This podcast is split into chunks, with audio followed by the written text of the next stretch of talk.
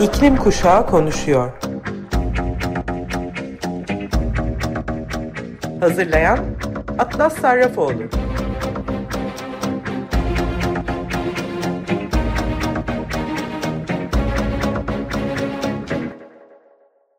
Merhaba, ben Atlas Sarrafoğlu. 14 yaşındayım. İklim Kuşağı Konuşuyor programına hoş geldiniz Sayın Açık Radyo dinleyicileri. Bu programı hazırlayıp sunduğum gibi aynı zamanda asıl olarak iklim aktivistiyim de. Aktivist bir problem olduğunu söyleyen bu probleme işaret eden kişidir. Kişilerin dikkatini bu probleme çekmek için çalışır. Kendine göre bulduğu platformlarda bu problemi anlatır ve çözülmesi için yetkilileri göreve çağırır. Bizim problemimiz de iklim krizi. Bence bu dünyadaki herkesi ilgilendiren bir kriz çünkü fakir zengin, kadın erkek ayrımı yapmadan herkesi etkiliyor iklim krizi. Ne yazık ki küresel güneyin karbon ayak izi daha az olmasına rağmen en çok etkilenenler arasındalar. Bu iklim krizini durdurmak, sebep olduğu adaletsizliğin önüne geçebilmek için 2015'te imzalanan Paris Anlaşması'nın ardından her sene taraf ülkelerin katıldığı COP yani taraf konferanslar 26.sı bu sene Glasgow'da yapılacak. Çevremde bildiğim birçok iklim aktivisti de bu taraflar konferansına katılacak. Aylarda giriş izni bekleyen daha birçok aktivist var. Özellikle biz aktivistler için giriş izni ve yolculuk ücretlerini karşılayabilmek büyük yük oluşturuyor. Bazı ülkelerden aktivistler kitlesel fonlama üzerine yolculuklarını karşılayabilecekler. Bu konuda daha büyük bir adaletsizlik var. Her konuda olduğu gibi giriş hakkı veya katılabilmek için fonu olmayanların yanı sıra vizesi reddedilenler, vize için fahiş ücreti karşılayamayanlar da var. Bir taraftan da en büyük yeşil badan örneği olarak COP26'nın sponsorları Standard Chartered ve NetWest gibi fosil yakıta yatırım yapan bankalar. 2019'da da olduğu gibi bu senede fosil yakıt şirketlerinden delegeler bu konferansta toplantıları katılıyor olacaklar. Yaşadığımız krizin sebebi olan fosil yakıtların desteğiyle yapılan konferansta nasıl bir sonuç bekliyoruz? Ve gerçekten umudumuz var mı? Büyük bir soru işareti bu aslında benim için ve bütün e, iklim severler için. Glasgow'da kalacak yer sorununa gelince pahalı otel fiyatlarının önüne geçen Human Hotel diye bir sistem üzerinden konferansa gelenler için kapısını açan ev sahiplerinin listesine ulaşabiliyorsunuz. Ücretsiz odalar veya daha çok e, az ücretli e, odalar karşılığında kalabileceğiniz ev listeleri var ve hala yer bulabiliyorsunuz. Bu sene benim de içinde bulunduğum grup olan Saving Tuvalu'da yer alan Tuvalu yerlisi Kato'yu Glasgow'a gönderiyoruz. Tuvalu iklim krizinden dolayı batacak ilk takım adalar arasında iklim krizinden en çok etkilenen dezavantajlı halkların seslerini duyurmaları, kültürlerini, topraklarını, sularını nasıl kaybettiklerini Glasgow'da karar vericilere kendi duygularıyla anlatmalarının önemli olduğunu düşünüyorum. E, işte bu yüzden de konferansa giriş hakkı açısından bu sene yerli halklara öncelik tanındı. Glasgow bu sene oldukça kalabalık olacak. 2019'da Madrid'de yapılan COP25'te 500 bin kişi sokaklardaydık. Hala süren pandemi önlemlerine rağmen bu senede kalabalık olacağını düşünüyorum. 31 Ekim'de başlayacak. Ee, konferans 12 Kasım'da da son bulacak. 6 Kasım'da yapılması planlanan protestoları e, polis barışçıl bile olsa müdahale edebileceği şekilde duyumlar var. Glasgow'da sesimizi duyurmaya devam ediyoruz artık boş vaatler yok COP26'da iklim ve doğa için gençliğin eylem talebi net. Glasgow'a talepleri ulaştırmak için e, bir mektup hazırladık size şimdi onu okumak istiyorum. Biz tarihin en büyük genç kuşağıyız ve günlük yaşamlarımız okyanuslar ve kıtalar arasında yaşadığımız yerlerden konuştuğumuz dillere kadar çok farklı gibi görünse de ortak bir deneyimi paylaşıyoruz. Eko kaygı denilen ve bizi çökerten bir duygu bu. Bütün bir neslin eko kaygıyla yaşanamaz bir geleceğin kalıcı ve somut korkusuyla ilgili olduğunu anlamak sarsıcı. Ancak bu hepimizin çok iyi bildiği bir gerçek. Şiddetli orman yangınları, kavurucu sıcaklar ve büyük adaletsizliklerle ilgili manşetler giderek daha sık hale geldikçe varoluşsal bir korkunun gizli etkisinin gölgesinde yaşamaya devam ediyoruz. Günümüzün çevresel krizlerinin ölçeği ve karmaşıklığı en iyimser insanları bile felç etmeye yetiyor. Ancak gençliğin seferberliği ve liderliği bunun böyle olması gerekmediğini kanıtlıyor. Bizim neslimiz dünyayı çok uzun süredir tanımlayan ve bugün karşı karşıya olduğumuz iklim krizini körükleyen adaletsiz, sürdürülemez sistemlere karşı azim, hesap verebilirlik ve kararlı direniş kimliğini şekillendiriyor. Dünyanın kamu ve özel sektördeki karar vericilerinde aynısını yapmak için toplu olarak sorumlu tutmaya devam edeceğimizden kuşkunuz olmasın. Bizi doğrudan etkileyen kararlar konusunda görmezden gelinmeyi, parçalanmayı veya dışlanmayı reddediyoruz. Sesimizi duyurmaya devam ediyoruz. Yine de iktidardakilerin çoğu değişim istediğimizi hemen reddediyor.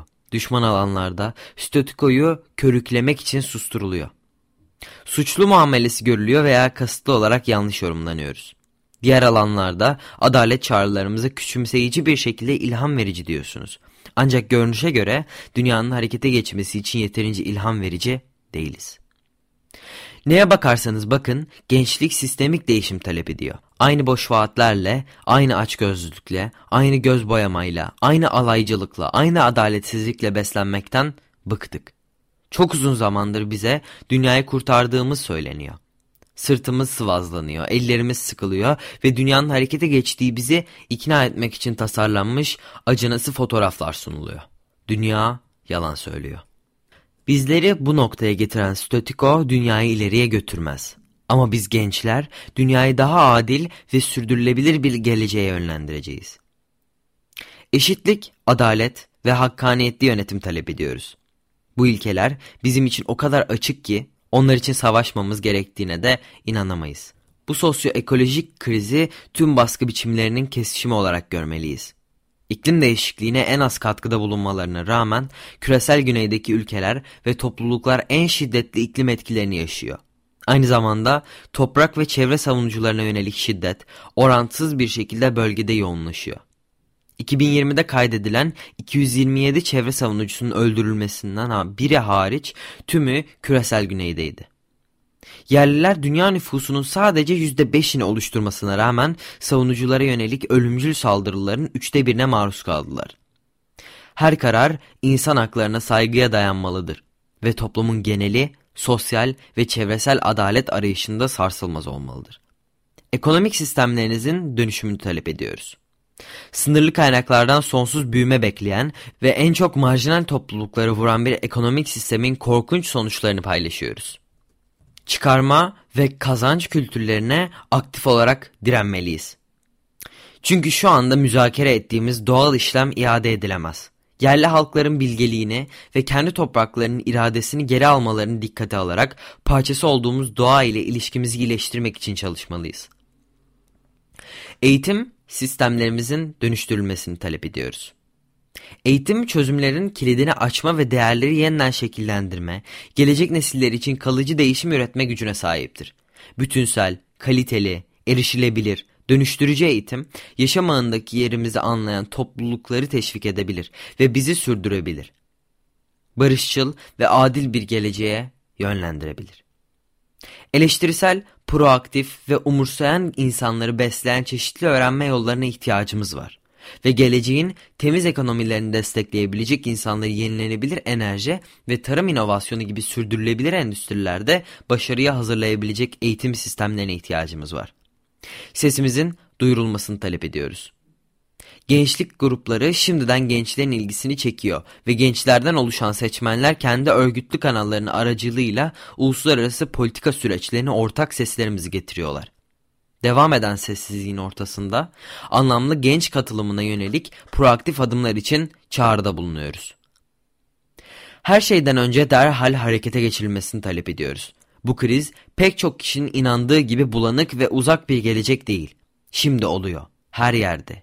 Güç ve açgözlülük üzerine kurulu sistemlerimizin sonuçlarını yaşıyoruz. Ve insanlar ölüyor. Çünkü iktidardakiler paranın insan hayatlarının daha değerli olduğuna karar veriyorlar. İklim krizi hakkında bir şeyler yapmak için bu son fırsat penceresinde gençlerin birkaç hafta içinde Glasgow'da Birleşmiş Milletler İklim Değişikliği Konferansı içinde buluşacakları sırada iktidardakilerden sözleri eyleme dönüştürmeleri konusunda yüksek beklentileri var. COP26 küresel sıcaklık artışını kontrol altında tutmak için gereken iddialı taahhütleri yerine getirmek için küresel kararlılığın bir sonraki ve tartışmasız en önemli sınavıdır. Başarısız olmayı göze alamayacağımız bir sınav. Glasgow'a gidenlere mesajımız net. Eşitliği ve adaleti takip edin. Sömürücü ekonomik sistemlerimize reform yapın. Eğitimi dönüştürün. Çevresel krizin kökten nedenlerini ele alın. Gençlere masada gerçek bir yer verin. Şimdi harekete geçin. Zor ama başka seçenek yok. Kolektif geleceğimiz buna bağlı. Evet mektup bu kadar. Şimdi California Honey Jobs'tan Call It Home şarkısını dinleyelim. Evet şimdi de sizlerle paylaşmak istediğim birkaç duyuru e, var. İlk duyuru Türkiye'deki iklim aktivistlerinden. E, biz de Türkiye'den iklim aktivistleri olarak bugünkü küresel iklim grevinde yine eylemdeyiz. İstanbul'da saat 17'de Maçka Demokrasi Parkı girişinde Ankara'da da Seymenler Parkı'nda olacağız. E, COP26 öncesi karar vericilere sesimizi duyurmak için yine sistemi kökten değiştir talebiyle tek ses oluyoruz. Bize katılmak, destek vermek isteyen veya iklim krizini merak eden soruları olanları eylemimize bekliyoruz. 24 Ekim'de Glasgow'a doğru iklim hareketleri başlığında yok oluş isyanının düzenlediği çevrim içi bir sohbet olacak. 350 orgdan Mahir Ilgaz e, bu yılki konferansın farkı e, ne ve iklim hareketi için ne anlama geldiğini anlatacağız. Sohbetin detaylarını yok oluş isyanı sosyal medya hesaplarından bulabilirsiniz. Üçüncü duyuruda Doğal Hayatı Koruma Vakfı'ndan. WWF Türkiye Doğal Hayat Koruma Vakfı 2017'den bu yana 500 okulda yürüttüğü Doğa Öncüleri Gençlik Programı'na lise öğrencileri ve lise öğretmenlerini çağırıyor. Doğa öncüsü olarak bir doğa koruma projesi yazıp yürütmek isteyen lise öğrencileri bir öğretmenleri liderliğinde Doğa Öncüleri Gençlik Programı'na katılabiliyor. Doğa Öncüleri programı gençleri proje e, yönetimi ve liderlik becerilerini geliştiren toplumsal dönüşüm ve değişime hizmet eden bir eylem projesi. E, program öğrencilerin projelerini planlama ve uygulama süreçlerinde dünyada ve toplumda görmek istedikleri değişimin bir parçası olmalarını hedefliyor. WWF Türkiye Eğitim Departmanı ve gönüllüleri program süresince öğrencilere mentörlük e, ve rehberlik de sağlıyor. Doğa Öncüleri Gençlik Programı çerçevesinde gençlerin doğa adına değişim yaratma gücünü ortaya çıkarmak amacıyla sürdürülebilir gıda ve gıda atıkları, tatlı su ve denizler, biyoçeşitlilik, yaban hayatı ve doğa, plastikler, iklim ve enerji olmak üzere 5 modülde projeler yürütülüyor. Yürütecekleri projeleriyle etkili bir değişim yaratan ve değerlendirme aşamasını geçen Doğa Öncüleri projelerini Ulusal Çevrim İçi Gençlik Konferansı ve Uluslararası Çevrim İçi Genç Panda Ödülü gibi ortamlarda duyurma şansı elde edecek. Doğa öncülerine liderlik edecek öğretmenler 1 Kasım 2021 tarihine kadar Doğa Öncüleri Gençlik Programı'na başvurabilirler. Programların tanıtımı amacıyla doğa öncüsü öğretmenlere yönelik düzenlenecek çevrimiçi webinarların bilgileri ve katılım bağlantısı başvuru yapan öğretmenlerin e-posta hesaplarına da gönderilecek. Geçen hafta COP26 öncesi yayınlanan raporlardan bahsetmiştim bu hafta içinde. Benim dikkatimi çeken bir yeni rapor daha yayınlandı. Ben bu rapora bakmayı çok istiyorum sizlerle birlikte çünkü gerçekten umudu tetikleyen e, bir rapor bu. Inevitable Policy Response programının bir parçası olarak Birleşmiş Milletler tarafından desteklenen sorumlu yatırım ilkeleri 2025'ten önce hızlandırılmış iklim politikasına ilişkin yeni ve önemli bir tahmin yayımladı. Politikacıların önemli ama gerçekçi politikaları eylemleriyle mevcut ulusal karbonlandırmadan arındırma planlarını gerçekleştirmeleri durumunda Paris Anlaşması'nın küresel ısınmanın 2 derecenin oldukça altında sınırlandırılması hedefine ulaşmanın mümkün olduğunu gösteriyor. COP26'ya kadar olan süreçte iklim değişikliği mücadele için küresel eylem yeterli olmadan uzak ancak e, olası politika geliştirmelerine ilişkin önemli öngörülerde bulunan ve reel ekonomi üzerindeki etkisini değerlendiren yeni küresel IPR tahmini politika senaryosu FPS iklim politikasında 2025 yılına kadar önemli bir ivmelenmenin muhtemel olduğunu tespit ediyor.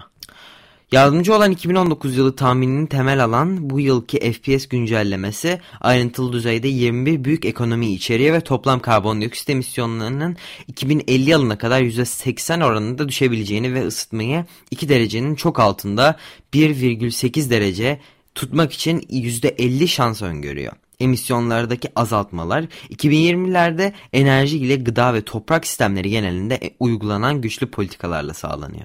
Enerji sektörü emisyonları 2021'de yaklaşık 34 gigaton karbondioksitten 2050 yılına kadar 9 gigaton karbondioksitte %75'e düşebilir. Arazi sektörü emisyonları 2021'de yaklaşık 6 gigaton karbondioksitten 2050'ye kadar yılda yaklaşık eksi 1 gigaton karbondioksite düşerek %125 düşerek araziyi net bir karbondioksit yutuğu haline getirebilir. Ancak tam sonuçlar elde edilmeden önce bir gecikme yaşanıyor. Mutlak karbondioksit emisyonlarının emisyonların %16 oranında arttığı son 10 yılın aksine ülkelerin mevcut ulusal katkı beyanı taahhütlerine paralel olarak 2030 yılına kadar ancak hafifçe düşeceği tahmin ediliyor. Emisyonlar 2020'lerin ortalarında zirve yapıyor ve ardından 2025 sonrası politika uygulamalarının yürürlüğe girmesi ve daha eski fosil teknolojilerinin yerine temiz alternatifleri almasıyla birlikte 2030'da azaltım oranlarında da bir bükülme noktasına ulaşıyor ve bu da baskın olmaya başlıyor. 2021 tahmini politika senaryosu önümüzdeki 10 yılda kapsamlı politika değişikliklerinin enerji sisteminde nasıl bir dönüşme yol açacağını ana hatlarıyla belirtiyor.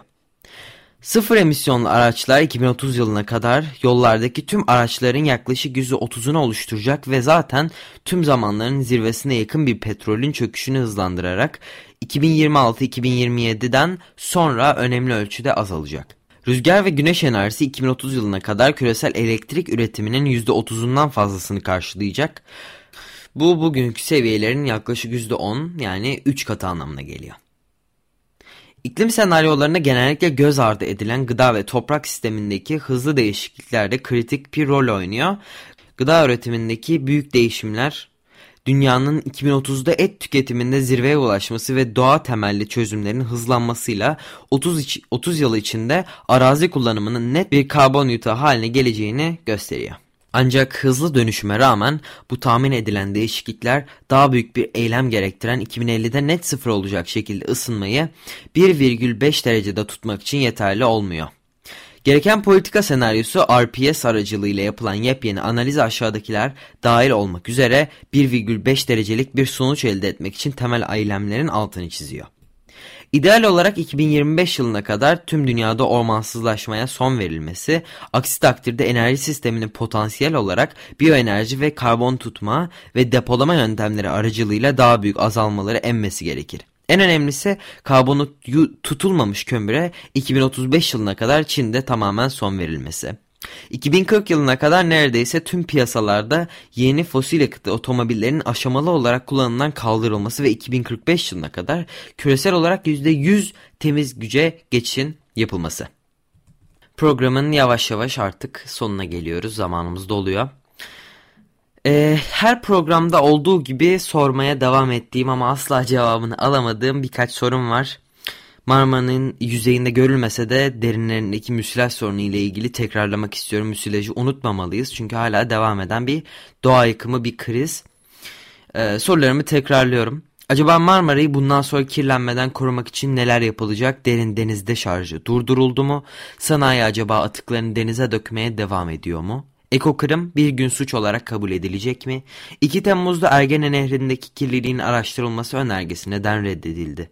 Bunların cevabını alana kadar da sormaya devam edeceğim. Eğer bir gün alırsam sizlerle de paylaşmak istiyorum. Ama bugün 17'de Maçka Demokrasi Parkı'ndaki küresel iklim grevinde tanışmak, konuşmak ve görüşmek üzere diyorum. Ama son olarak dinleteceğim şarkı da en sevdiğim ve en değer verdiğim insan için. Batuhan Kordel'den Sıcak Şarap dinliyoruz. Haftaya Cuma saat 14'te görüşmek üzere.